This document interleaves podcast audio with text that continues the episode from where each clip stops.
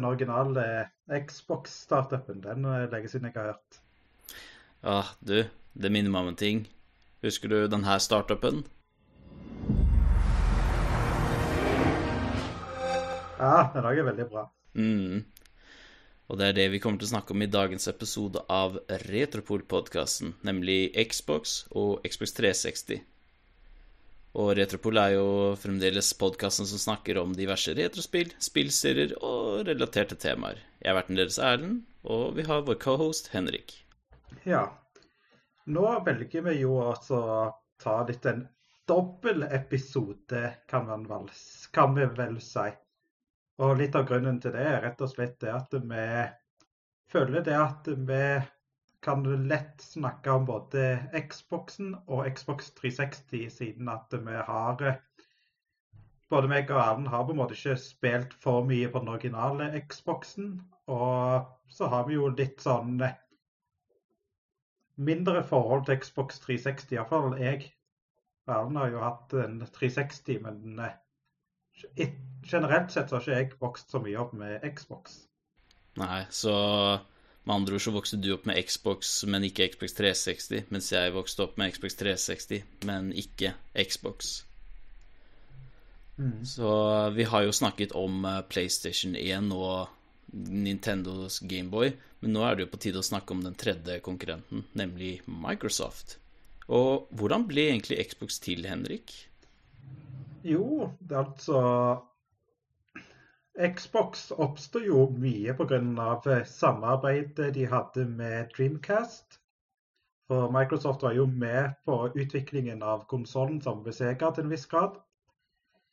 Og så, etter at eh, på en måte Dreamcasten begynte å slite, så bestemte Microsoft for å gå sin egen vei og gå videre på det som Dreamcast eh, på en måte tok i bruk. Så ting som sånn online-funksjonalitet og det å gjøre veldig fornøyde kunder var på en måte kjernefokuset på Xbox på den tiden. Og de gikk jo da for eh, en del PC-arkitektur når de tok og lagde konsollen. Hvorfor heter den egentlig Xbox? Ja, de er jo mange navn de prøvde seg på, men uh, hovedgrunnen er det at uh, Microsoft brukte et, eh, en form for operativsystem som heter DirectX. Og DirectX var jo da brukt for å få alle mulige forskjellige PC-er til å kunne kjøre ett og samme spill. Derfor tok de da og kalte det for DirectXbox, som da ble til Xbox. Mm. Det er noe nytt hver dag. Nei, altså Når det kommer til design og kontrollene Sånn Xbox 360 sin er jo ganske grei. Det eneste unntaket er jo D-paden, som føles litt mer som en flimsy joystick. Men original Xbox Men, de, de kontrollerne er svære. Ja. De var faktisk så svære at det, når de tok og lanserte Xboxen i Japan, så måtte de redesigne kontrollen og gjorde, lagde en Xbox-kontroller S den ble jo så populær å importere at eh, de bare tok og lanserte det som hovedkontrollen til Xbox senere i livet. Ja. ja vi har jo den der originale, eller den store bolket. Altså, den er jo så svær at jeg, jeg klarer nesten ikke å holde rundt hele. Det får, henne, det får i hvert fall hendene mine til å virke veldig små. Det er veldig greit for de folka som har store hender. Runar er jo et eksempel på det. yeah.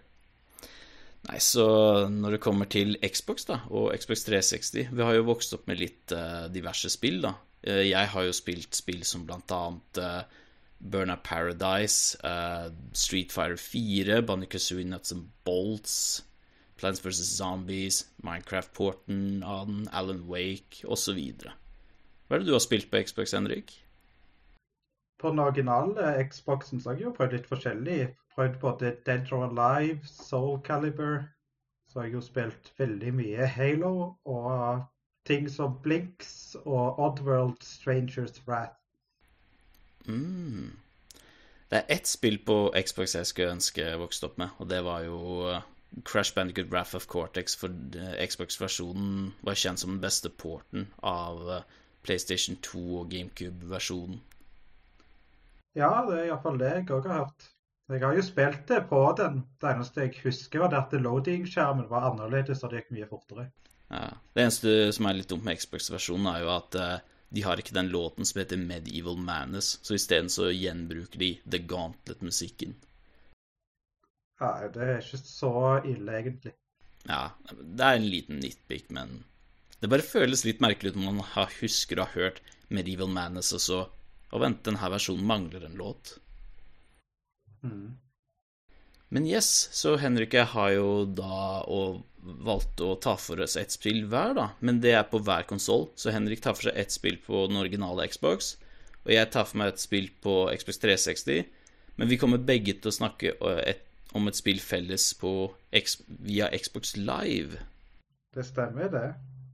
For det var mulig å få tak i Arkadespill der. Og mange andre diverse. Så jeg kan få tak i veldig mye bra fra Xbox Live. Og jeg er jo fornøyd med det at Microsoft faktisk eh, gjør mer for å holde Xbox Live og de storene åpne. Så absolutt. Nei, så Henrik, vær så god.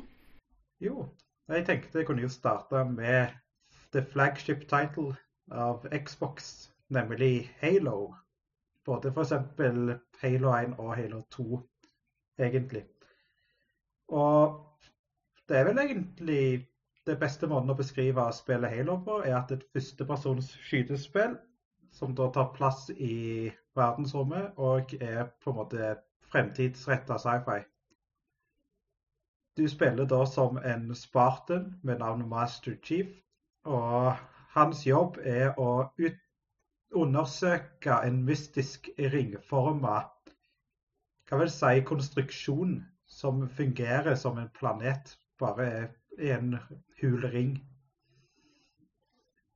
Målet ditt er jo å finne ut hvorfor den ringen er der, hva den gjør, og eventuelt om du kan stoppe den ringen der. Og du finner jo fort ut at den er i fiendtlige hender, ettersom at eh, romskipet du befinner deg på, blir angrepet, og du blir tvunget til å lande på den mystiske ringen. Målet når du har landa på ringen, er å kunne klare å stikke av og finne en måte å ødelegge ringen på. Du har jo også en medhjelper i det spillet ved navn Cortana. Den enkleste måten å beskrive hun på er jo det spillets Navi, eller guide, da. Men det som er litt artig, det er at hun, har, hun er stemmelagt av samme skuespiller som eh, spiller Princess Peach. Det er ganske kult. Men det viser jo det at eh, de ganske kan lage veldig mange forskjellige typer stemmer. Så har du jo en multiplayer der òg, og det er en av de få First Person Shooter-multiplayerne jeg liker, sammen med Team Fortress 2 og Golden Eye på Nintendo 64. Ja, altså De kan jo se for deg på en måte Golden Eye, og så har du Perfect Dark, og så har du Halo. De har lagt av et helt annet team, men Halo føles på så mange måter ut som Golden Eye av sin generasjon. Det er at du har jo veldig mye lignende oppsett, bortsett fra at du har dual analog-kontroll. Men du har på en måte liv, du har på en måte en vest som du kan fylle på med en energy shield. Og så er det det at du har ekstremt mange forskjellige våpen som du kan finne rundt omkring og bruke. Det som på en måte er den naturlige utviklingen, er at du har mye større baner. Du kan spille LAN med opptil 16 folk. Og du kan eh, ha kule verktøy som Energy Blade, og de kan kjøre rundt i en kjøretøy med en annen person sittende inne i bilen. Det er òg helt fantastisk. Så på en måte hvis du skal ha et sånn skikkelig gøy couch co-op-spill, så slår du ikke feil med å ha Halo. For det er mange timer underholdning i det å prøve å drepe hverandre på de forskjellige brettene som er i det spillet der. Og det er veldig mange game modes og veldig mange kule og varierte baner. Mm. på Jeg har jo spilt uh, mange diverse Xbox 360-spill, da. Og, men en av mine absolutte favoritter på den konsollen, det er ingen ringere enn Dead Rising. Spillet er jo lagd av Capcom, og så Selv om det har samme setting som George A. Romeros uh, Dawn of the Dead, at det er zombier i et kjøpesenter, så uh, ordnet Cap Så gjorde Capcom slik at de la på et sånt klistremerke på hver kopi som sa at dette spillet har ikke noe med George Romero's Dawn of the Dead. Ja, det var så Det var såpass, ja. Ja. Yeah. Og i spillet så handler det om at du spiller som frilansfotografjournalisten Frank West, som har fått tips om at det skjer noe i den fiksjonelle byen Willamette Town. Og til å begynne med så tror folk at ah, det er sikkert en riot, men fordi militæret er der, så er det noe mer enn det folk tror, da. For det viser seg at det er jo zombier. Eh, det er en slags zombieapokalypse. Og Frank West har jo fått noe i oppdrag om å være i det kjøpesenteret i tre dager for å finne ut hva som egentlig foregår. Og i spillet så handler det om at eh, Går det ut på at du skal da Du har da tre dager, og det er da six in game hours på å finne ut. Og spillet går stort sett ut på at du må være på rett sted til rett tid, da. For eksempel det er et scoop som må gjøres innen klokken ni på kvelden på dag to. Og de popper jo opp, da, fra tid til annen. Men så er det sånn derre Avhengig av hva du gjør i spillet, så handler det jo egentlig bare om å komme dit i tide. For ellers så mister du sjansen til å progresse storyen eller få experience points da, av diverse oppdrag. Og mange av de oppdragene i spillet man kan gjøre, er jo åpenbart story missions, men du har også muligheten til å redde survivors, som uh, er spredd rundt i kjøpesenteret, eller beseire spillets bosser som blir kalt for psykopater. Og det er folk som har blitt gærne av omstendighetene. Eller den, nok, eller stressende situasjonen. Ja, og det er veldig mange interessante bosser i dette spillet her. Alt fra favoritten Adam the Clown til, til Cletus the Gunshop Owner. Ikke bare det, men du har jo også uh, The Convicts, eller et par kriminelle. Uh, den korrupte politibetjenten Joe. Også den PTSD uh, Eller den gærne mannen Cliff Hudson, som lider av PTSD. Men det som også er så kult, er at hver boss har jo hver sine heavy metal eller sånne awesome låter. Og det er ett element spillet er veldig flink på, og det er jo Det er stemning hvis jeg skal beskrive det med ett ord. Enten du er i kjøpesenteret eller slåss mot bosser eller opplever elementer av historien, så sound, hjelper soundtracket med å få deg i rett stemning, avhengig av hva du, hva du gjør i spillet. Ja, og det at Capcom-spill gjør jo at du har veldig mange fine easter eggs spredt rundt i spillet. Mm, du har jo blant annet Resident Evils uh, referanse hvor det er en butikk som heter Jill's Sandwiches, og det er basert på den der scenen i Resident Evil hvor Barry, etter at han har reddet Jill fra en felle, så sier han You were almost a Jill sandwich. Så må du ikke glemme det at du kan faktisk låse opp Megamans arm cannon, og den er jo utrolig game-breaking, egentlig, men det er sykt kjekt å bare ha på seg og kødde rundt inne i kjøpesenteret. Ikke like overpowered som Adam the Clowns motorsager. Ja, ja, de har jo evig gass. Mm. Jo, men i spillet så er det jo Det er jo et zombiespill, og det, ut, det, du gjør i spillet, det er at du går rundt i kjøpesenteret, og så kan du gjøre, som jeg nevnte tidligere, gjøre missions, men du kan også velge å bare ha det gøy med å gå rundt og kverke zombier. Og du har jo, du har jo klassiske våpen som pistoler, spade og shotgun, men du kan velge å bruke absurde våpen som parkbenker, gressklipper, bowlingkuler og gitarer. Eller eventuelt teddybjørn, hvis du virkelig vil. Så du kan nesten bruke alt som et våpen i det spillet der. Det er jo òg ganske interessant, for det gjør jo at de kan være ganske kreative med ting du finner. Ja. Jeg tror jeg en gang jeg bare for gøy så bare brukte jeg leker som våpen. Var i Paradise Plaza, så bare brukte jeg sånn OK, hva slags våpen har vi i leketøysbutikken? OK, bruker det her, denne masken. Se her, du. Ja, det som er at spillet er jo på en måte over på seks timer. Men siden at det er så open-ended i det du kan gjøre, så har det jo veldig mye replay value. Det, der kan, du kan spille på kødder rundt. Du kan prøve få den beste scoren du kan, og veldig mange sånne elementer. Mm, den har noen RPG-elements. Og det som er litt gøy, er at når du leveler opp, så beholder du levelet. Så si f.eks. at du fullførte spillet, men så er du på level 27. Neste gang du starter spillet på nytt, så kan du starte spillet på level 27. Og Det er egentlig ganske gøy, for det er litt sånn der eh, Du føler at du blir sterkere hver gang du spiller. Og det hjelper jo på hvis du prøver å gå for eh, completion rating. For da, uansett på en måte hvor mange ganger du feiler, så blir du sterkere. Og det gjør det jo lettere neste gang du skal prøve deg. Mm. Nei, og så Altså, det er jo mye av det spillet jeg liker, men jeg tror to elementer sånn, jeg ikke var sånn særlig glad i. Det var jo Survivor AI-en. Det er veldig mange som har nevnt det før, at den er litt sånn Altså, det er én ting med escort mations. Folk er ikke så fornøyd med det fordi det tar veldig mye tid, og de utsetter seg selv for fare. Og Dead Rising lider av det der òg, da. På en måte så er det jo Det er jo litt interessant at liksom Ok, i en zombieapokalypse så er det jo åpenbart det er en veldig stressfull situasjon. Så det er jo åpenbart at noen folk kommer til å gjøre dumme ting. Men på en annen side så blir det veldig fort gjort at du blir liksom en barnevakt sånn Åh, du, come on, jeg er jo nesten i mål. Bare ikke løp der. Og hvis du skal være en completionist uh, Det er en achievement som heter Seven Day Survivor, som innebærer at du må ha spillet stå stående på i 14 timer i strekk uten noen form for lagring eller ta pause. Ja, Den er, den er lite kjekk achievement.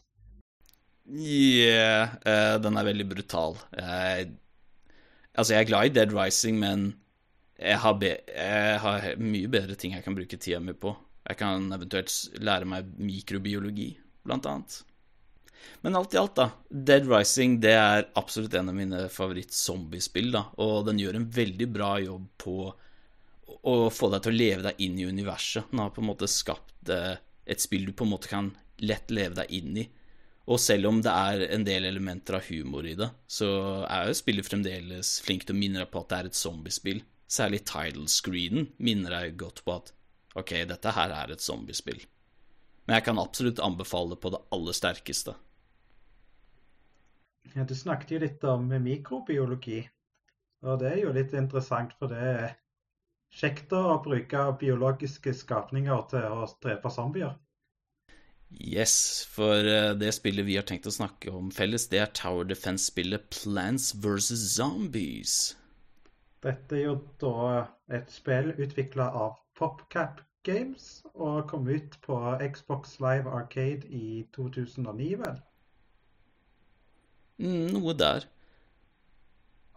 Mm, det var for øvrig lagd av fire folk, da. Men uh, du kjenner jo EA. De, med en gang de fikk rettighetene i PopCap og Plants vs. Zombies, så sparka de de originale skaperne. Ja, det var ikke stole på EA.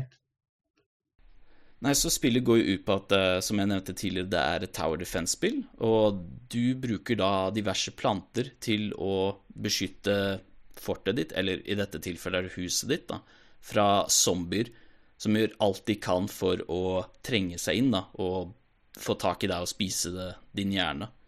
Og plantene du kan bruke i spillet, gjør jo alt uh, de kan for å beskytte deg. Enten det er standard pea-shooters eller walnuts som blokkerer zombiene. Eventuelt så har du kjøttspisende eh, planter og en plante som heter squash, som knuser zombiene i én smell.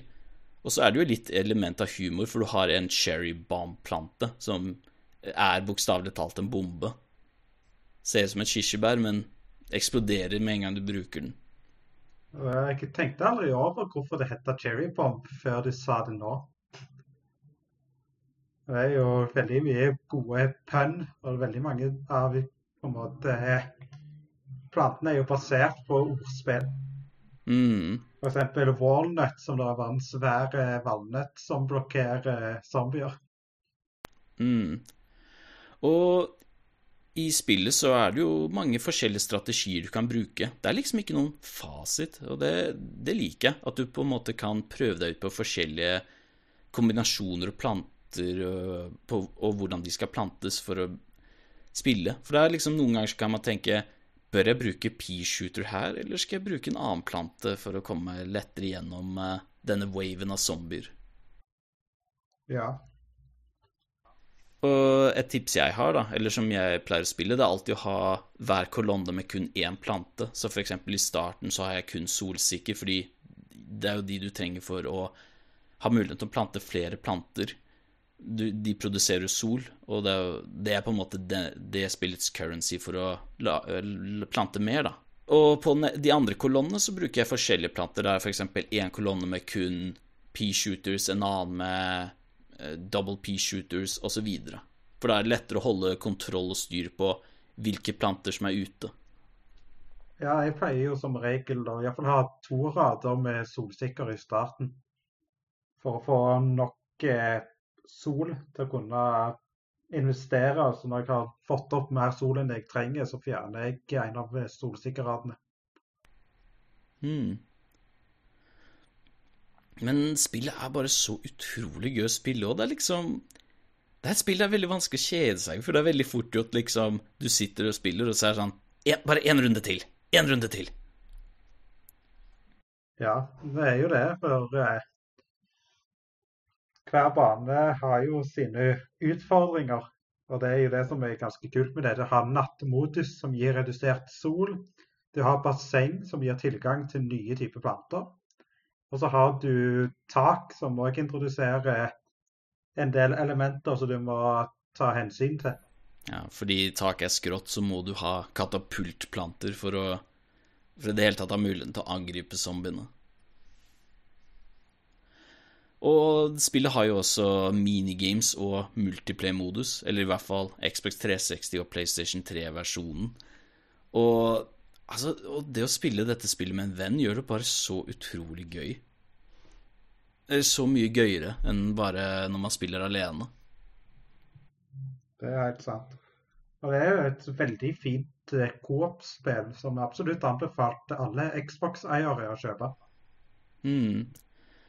Selv om spillet har blitt utgitt på andre konsoller òg, og iPad, så er det sånn at de versjonene har implementert microtransactions. Så det er egentlig en av grunnene til hvorfor vi helst anbefaler Xbox 360 og PlayStation 3-versjonen, da disse versjonene ikke har det implementert. Ja, hvis du da har en Xbox One eller har investert i en Xbox Series S eller X, så kan du jo fint laste det ned på de konsollene òg. Mm. Nei, men igjen, altså Eller alt i alt, Plants vs. Zombies, det, det, kommer også med en veldig sterk anbefalelse. Det er Sammen med Dead Rising så er dette en av mine favoritt-zombies En av mine favoritt-videospill og zombiespill noensinne. Mm. Så jeg tenkte litt på én ting før vi avslutter. Yes. Nå vet jo det at Vi har jo på en måte ikke hatt de største forholdene til Xbox som kanskje andre folk har. Så jeg lurte litt på, hvis vi på en måte skulle skaffe oss enkelte Xbox-spill å spille, hvilke Xbox-spill hadde du likt å investere i? Hmm, jeg nevnte jo Raff of Cortex, og så har jeg noen spill, men jeg har ikke fått spilt alle. Sånn Stubbs the Zombie eh, må jeg få spilt litt mer av. Uh, så jeg har spilt sånne diverse arcade compilations, men uh, Hmm. Jeg vet iallfall at et av spillene jeg har virkelig lyst til å prøve på den originale Xboxen, er Jet Set Radio Future. Oh. Jeg, tro, jeg, trodde ikke Jet Set Radio hadde noen flere oppfølgere enn bare den på Dreamcast. Jo, de hadde en sånn semi Kan vel si en form for remake på den originale Xboxen. Og det har jeg hørt er veldig bra. Så må jeg òg ta og skaffe meg Panzer Dragoon 8 òg, selv om at jeg har prøvd det hos deg. Jeg tror kanskje hvis jeg husker rett, så tror jeg den derre Sonic Mega Collection også kom ut på Xbox, så det er kanskje en av de spillene jeg ville likt å vokse opp med. Ja, det hadde vært veldig kjekt, det. Jeg visste jo hva Sonic var, men eh, det første Sonic-spillet meg, det var Sonic Riders, så det var Det var ikke vi spilte mest. Når vi først er inne på Sonic, så kanskje vi skal ta for oss Sonic-trilogien neste gang? Det kan vi godt. Mm. Nei, tusen takk for at dere hørte på dagens episode. Alltid interessant å snakke om uh, konsoller og hvilke spill de hadde tilgjengelig. For jeg føler når det kommer til konsoller, så er det jo egentlig spillene som avgjør om det er verdt investeringen eller ei. Ja, det det er alltid det. Spillet trumfer alt og vil alltid være den viktigste delen av uh, konsollspilling for min del. Mm, samme her. Fordi det er ikke nok Altså, hardwaren kan være imponerende, men det er jo spillene i seg selv som avgjør om det er verdt tida di eller ei. Mm. Men tusen takk for at du hørte på dagens episode. Så snakkes vi. Ha det bra. Ja,